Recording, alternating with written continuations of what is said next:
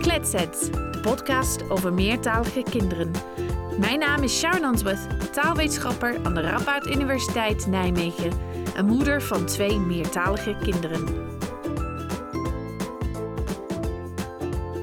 Er verschijnen regelmatig verhalen in de krant of op internet over hoe het spreken van twee talen je slimmer kan maken. De afgelopen jaren heb ik bijvoorbeeld de volgende koppen voorbij zien komen. Tweetalig zijn is goed voor het brein. Tweetalige kinderen zijn slimmer. Hersencapaciteit neemt toe. Tweetalige kinderen hebben een getrainde brein. Nou, net zoals alle andere ouders van meertalige kinderen, zou ik dolgraag willen geloven dat kinderen die twee talen spreken inderdaad slimmer zijn dan kinderen die alleen één taal spreken. Maar klopt dat eigenlijk? Zijn meertalige kinderen echt slimmer dan eentalige kinderen? En zo ja, geldt dit voor alle kinderen die met twee talen opgroeien. En voor alle talen. En zijn kinderen die drie talen spreken dan nog slimmer? Vandaag in de Kletsets podcast hebben we Elme Blom weer te gast. Zij is hoogleraar aan de Universiteit Utrecht en doet onderzoek naar dit soort vragen. Ik begon door Elme te vragen wat er precies bedoeld wordt als mensen zeggen dat meertalige kinderen slimmer zijn. Waar gaat het dan over? Het gaat er niet over dat kinderen meer talen spreken, wat natuurlijk ook een voordeel is. Het gaat eigenlijk om de, om de vaardigheden die buiten taal liggen. En ja, nog iets verder gaan dan een specifieke taal.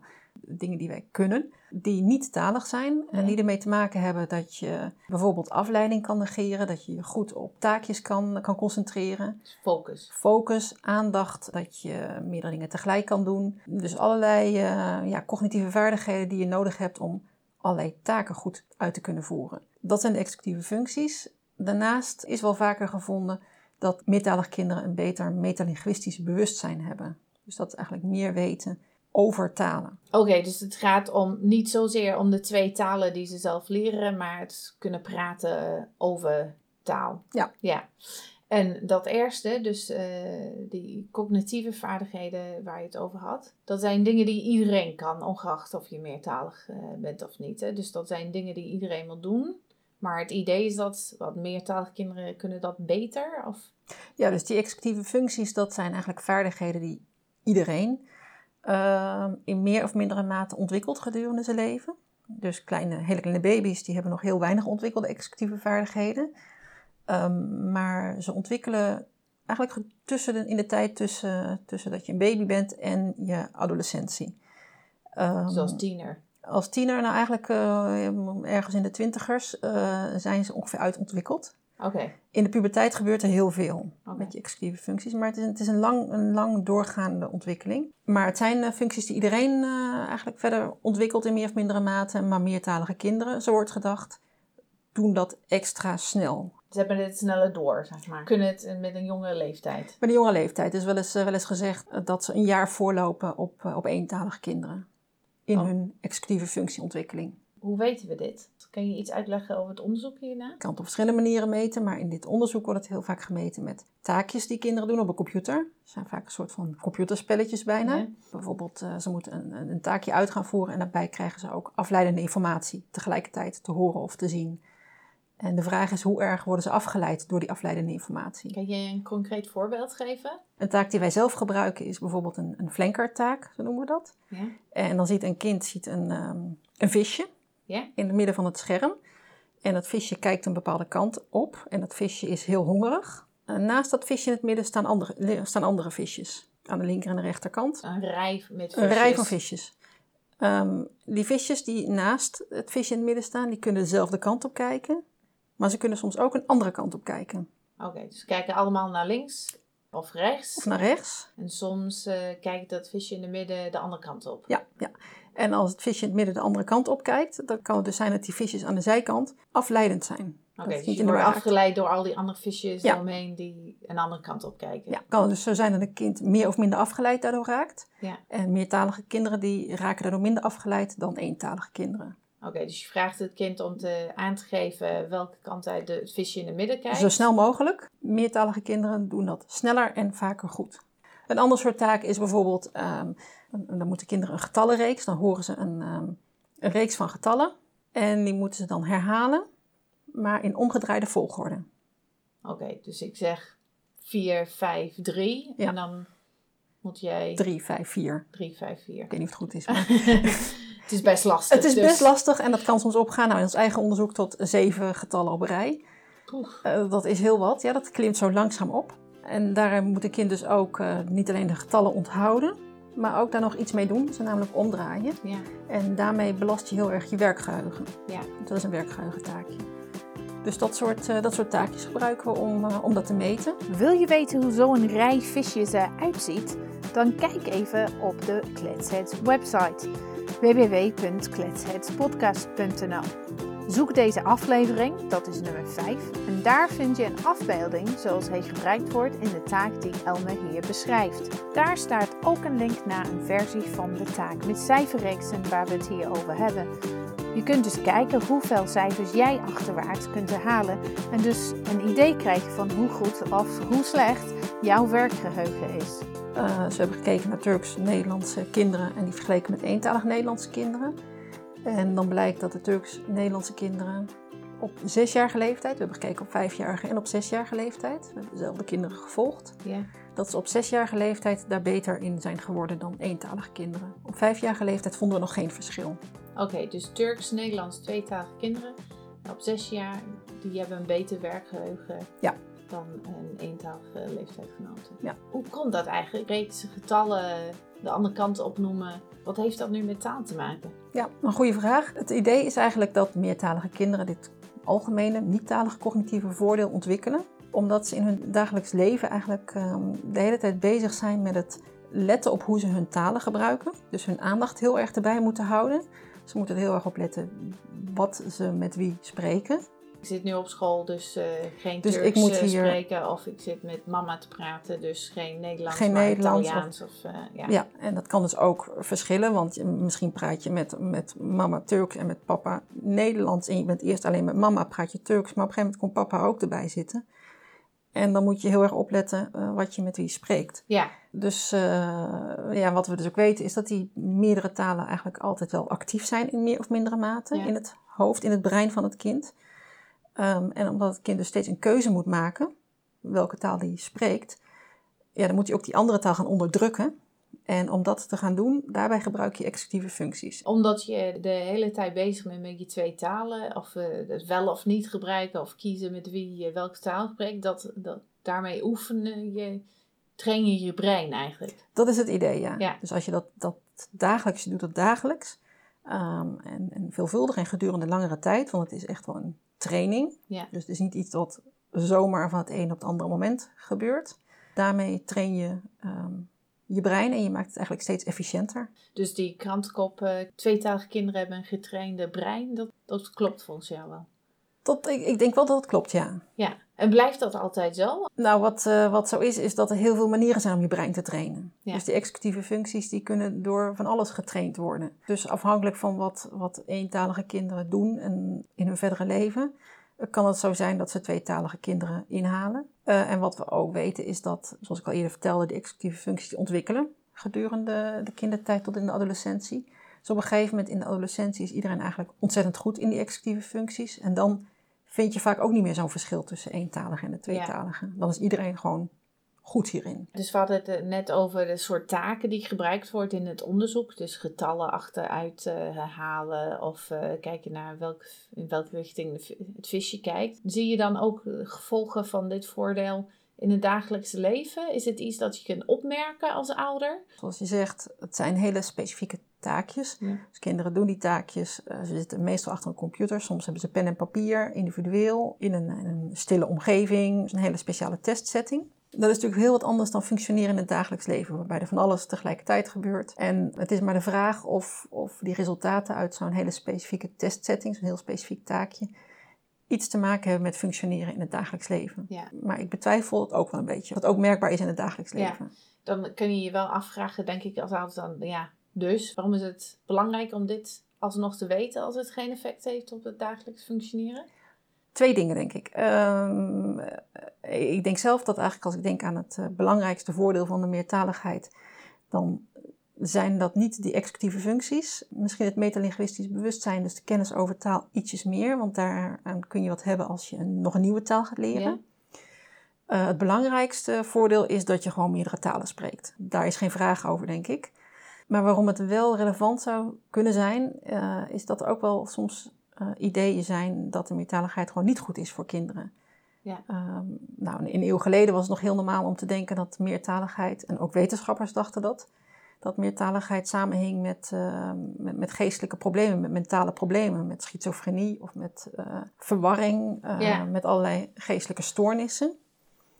Dat is nu over het algemeen niet meer zo, maar nog steeds komt het wel regelmatig voor dat mensen zich wel zorgen maken over, over meertaligheid, zeker bij kinderen. Dat het te veel wordt. Dat het te veel is, cognitieve belasting. Ja. Um, ja. Daar hoeven wij niet bang voor te zijn. En ik denk dat dit onderzoek um, laat eigenlijk ook zien dat onze, onze, onze hersenen kunnen daar heel goed mee omgaan. Die passen zich aan. Heb je een meertalige omgeving, dan leer je heel goed omgaan met die meertalen. Nou, dat is heel fijn uh, om te weten, denk ik. Dat denk ik ook. Ja. Oké, okay, we gaan nu over naar onze kletset van de week. Kletset van de week. Elke week vertelt een meertalig kind hoe het is om met twee of meer talen op te groeien. De opname is gemaakt op Jeugdfestival Boekkids. Vandaar de achtergrondgeluiden.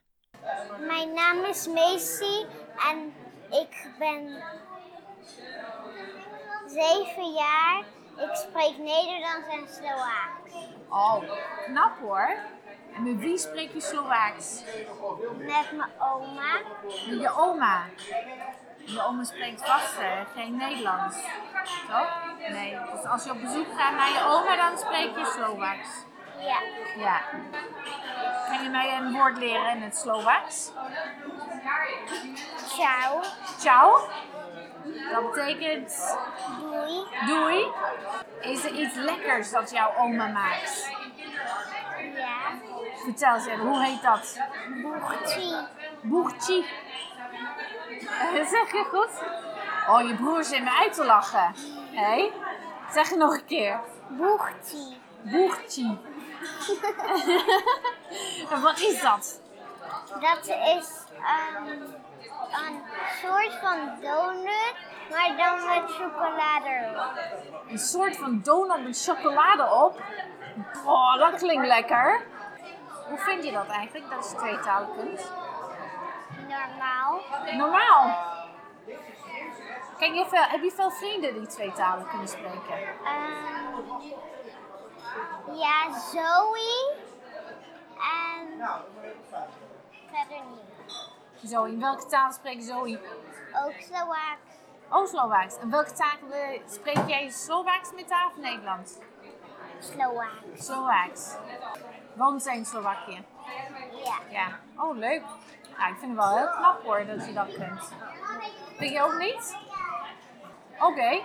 Nou, uh, ik, ben, ik ben al vergeten hoe je dankjewel moet zeggen. Dus dan moet je me aan me vertellen. Hoe zeg je dankjewel? Was het Jenkui? Nee. Nee, Dakuye. Dakuye. Dakuye ik ciao. Nou, Dakuye ik ciao.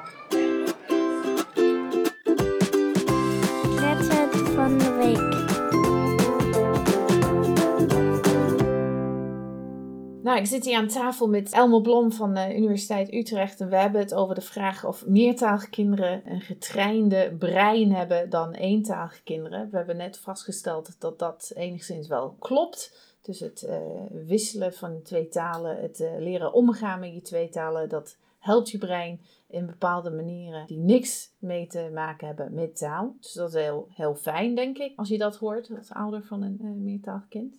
Tegelijkertijd weet ik wel uh, dat op dit gebied heel veel onderzoek is gedaan de afgelopen jaren. Het is zeg maar een heel erg hot topic geweest uh, in het onderzoek. En er zijn ook vaak verschillende uitkomsten uh, geweest. Dus ja, misschien kan je daar wat meer over zeggen. Hoe, hoe kan dat? Ja, er is inderdaad, zoals je zegt, afgelopen decennia een, een explosie aan onderzoek op dit gebied. Ja. En het is ook wel een beetje een wespennest. Um, dus wetenschappers, uh, sommige wetenschappers geloven in, in het, in het uh, positieve effect. Andere wetenschappers zeggen, nou, er klopt echt helemaal niks van. En dat gaat er soms best wel heftig aan toe in uh, debatten hierover. Als ik kijk naar, naar wat het onderzoek laat zien, is er zijn heel veel studies die een effect laten zien, een positief effect. Ja. Maar er zijn ook heel wat studies die niks laten zien. Dat is lastig. Uh, wat kun je hieruit uit concluderen? Nou, wat we steeds meer zijn gaan doen als wetenschappers, is goed gaan kijken naar over welke tweetaligen hebben we het precies. Wat voor kinderen zijn het? Hoe tweetalig zijn ze? Hoe gebruiken ze hun talen? En je hebt uh, heel veel verschillende soorten tweetaligheid. Hoe je je talen gebruikt, hoe tweetalig je bent. En dat onderzoek, ja, dat laat eigenlijk zien dat het om een vrij specifieke groep tweetaligen gaat waar je een, een, een cognitief voordeel kan verwachten. Ja. Um, dat zijn, uh, zijn kinderen die voldoende tweetalig moeten zijn. Dus ze moeten, ze moeten twee talen wel goed uh, Ze moeten de twee talen vo voldoende beheersen. Want ja, ja eigenlijk um, krijg je zo'n soort voordeel pas als de talen in zekere zin met elkaar in competitie zijn. Dus als een kind echt, als de talen elkaar in de weg gaan zitten en een kind moet één taal echt gaan onderdrukken en een andere taal gaan kiezen. Ja. Als je um, niet voldoende tweetalig bent en de ene taal spreek je heel weinig, kun je gewoon niet goed en de andere heel goed, dan zitten ze elkaar niet zo in de weg over het algemeen. Oké, okay, dus eigenlijk moet je de twee talen heel goed spreken. En da daarmee uh, komt die training, zeg die maar. komt dan, ja, dan komt die, die meer. Um, en het moet dan ook nog wel zo zijn dat je in de context waarin je de talen gebruikt, van je gevraagd wordt dat je een keuze maakt. Dus stel je voor, je leeft in een, uh, in een gemeenschap waar het heel normaal is om alle talen te mixen. Ja. En iedereen verstaat alle talen. Ja. En dat kan op school, dat kan thuis, dat kan overal. Ja, dan hoef je helemaal geen taal te onderdrukken, want het maakt niet uit wat je gebruikt. Maar je zou denken, oké, okay, ik mag de hele tijd mijn twee talen gebruiken, dus dat is beter voor mijn brein. Maar dat is eigenlijk dat niet zo. zo. Dat is eigenlijk niet zo, want op het moment dat je alles mag gebruiken, hoef je ook geen, geen moeite te doen. Ah, okay. Dus dan wordt er ook niks getraind. Ja. Uh, je hoeft geen keuzes te maken. Je okay. hoeft geen moeite te doen. Je brein hoeft geen moeite te doen. Dus er wordt niks getraind. En maakt het uit welke taal, om welke taal het gaat? Want we hebben het gehad over de context uh, waar je de talen gebruikt en leert. Maar maakt het uit of het het, of het, het Italiaans of het Nederlands of het Pools of het Turks is? Maakt dat uit? Voor zover ik weet uh, lijkt dat eigenlijk weinig uit te maken. Dus je hebt verschillende studies naar allerlei talen. Je hebt uh, ook studies die hebben gekeken naar combinaties van een standaardtaal en een dialect bijvoorbeeld. Ja. Dat zijn vaak varianten die dicht bij elkaar liggen. Daar vind je, zijn er studies die voordelen vinden, maar ook studies die geen voordelen vinden. Uh, en je hebt ook studies die hebben gekeken naar combinaties van hele verschillende talen, Engels en Chinees, uh, Nederlands en Turks. Um, en ook daar geldt weer dat er studies zijn die voordelen vinden en geen voordelen. Dus het lijkt dat taalafstand, hoe erg lijken de talen op elkaar, uh, wat de combinatie van talen, niet zoveel uitmaakt. Het lijkt vooral te gaan om, om hoe vaardig zijn kinderen in de talen en in welke contexten gebruik je de talen? Hoe erg mix je ze in het dagelijks leven? Ja, want ik weet dat jij zelf uh, onderzoek hebt gedaan naar uh, kinderen die tweetalig Nederlands en Fries zijn. En tweetalig met de uh, Limburgs. Ja. En ook Pools en Ja. Turks. Dus daar zien we geen verschillen tussen. Of, of Jawel, wel? we vinden, nou, we vinden wel wat verschillen. Ehm, dus we hebben voordelen gevonden bij Turks-Nederlandse kinderen. We hebben ook voordelen gevonden bij Pools-Nederlandse kinderen. Maar alleen die Pools-Nederlandse kinderen die ehm, hun Pools wel voldoende ontwikkeld hadden. Fries-Nederlandse kinderen ehm, ook een voordeel. Maar bij de Limburgs-Nederlandse kinderen, het ging een richt, de richting op van een voordeel, maar Ja. het was net niet een, eh, zoals we noemen, een significant resultaat. Dus je zag bij de Limburgs-Nederlandse kinderen wat minder effect van hun meertaligheid dan bij de andere groepen die we onderzocht hebben. Wat maakt de Limburgs-Nederlandse kinderen anders? We denken dat het ermee te maken heeft dat, dat de combinatie van Limburgs en Nederlands, dat het eigenlijk vrij normaal is om in het Limburgs te mixen. Ja. Er is een onderzoek geweest waarin uh, tweets zijn vergeleken. Uh, daar heeft mijn collega Leonie Kornips aan meegewerkt. Die veel met het Limburgs bezig is geweest. En dat onderzoek heeft tweets in het, in het Fries en in het Limburgs met elkaar vergeleken. En daar zie je dat het um, Limburgs, dat in het Limburgs veel meer Nederlands er doorheen gemixt wordt. Dus dat, ja, dat geeft, uh, geeft aan dat het in het Limburgs eigenlijk vrij normaal is om het Nederlands er doorheen te mixen.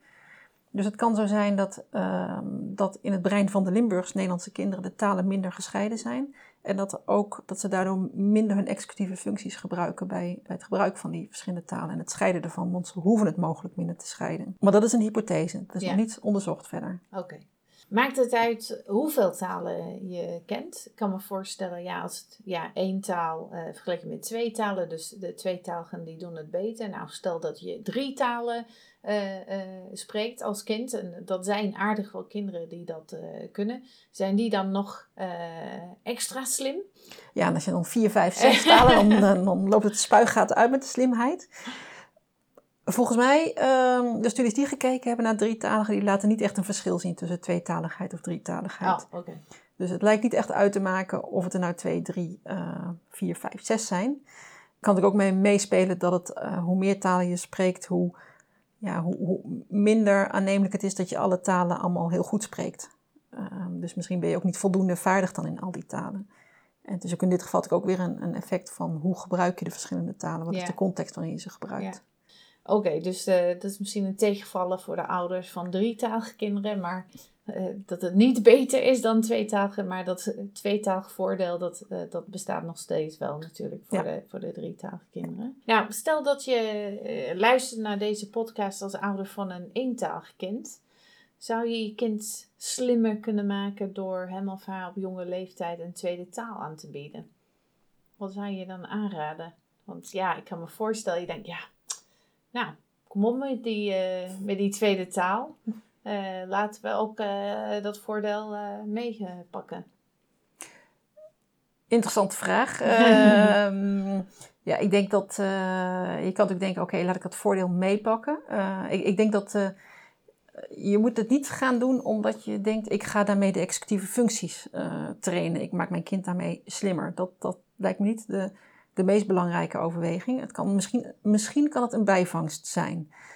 Uh, de belangrijkste overweging zou moeten zijn: uh, mijn kind leert een nieuwe taal erbij. En dat, ja. dat is de meerwaarde ervan. Dus uh, het, het, talige voordeel, het feit dat je meer talen leert, dat, daar gaat het om. En misschien is er een, een cognitieve bijvangst, maar dan is ook nog de vraag: wat heb je er precies aan? Dat weten we ook nog niet. Ja, Oké, dus doe het als je kind een tweede taal wil leren, maar doe niet zozeer om hem of haar slimmer te maken. Inderdaad. Oké. Nou, dat was het voor deze aflevering. dankjewel, Anna. Graag gedaan. Vandaag op Kletset hebben we geleerd dat meertalige kinderen volgens sommige wetenschappers inderdaad slimmer zijn dan eentalige kinderen. Wat daarmee bedoeld wordt, is dat ze beter kunnen focussen, beter kunnen omgaan met afleidingen of een beter werkgeheugen hebben. Deze voordelen worden gevonden bij kinderen met verschillende taalachtergronden, maar niet bij alle meertalige kinderen. Wetenschappers zijn nog niet met elkaar eens over de omstandigheden waarin dergelijke voordelen te verwachten zijn. Maar het lijkt erop dat de manier waarop kinderen twee of meer talen gebruiken, bijvoorbeeld als ze vaak moeten wisselen van taal, van belang is. Of je iets van dit meertalige voordeel terugziet in het dagelijkse leven, is maar de vraag. Maar toch blijven deze bevindingen verbazingwekkend. Waarom? Ze laten zien dat het ontwikkelen van twee talen mogelijk gevolgen heeft op delen van je algemene cognitieve ontwikkeling, de ontwikkeling van het denken en het verstand, op dingen die niet per se met taal te maken hebben. Het vertelt ons dus indirect iets over hoe de omstandigheden waarin je opgroeit je hersenen kunnen beïnvloeden. En zelfs als deze voordelen in het dagelijkse leven niet opvallen, blijft natuurlijk het allergrootste voordeel van het meertalig opgroeien het feit dat je twee talen kent.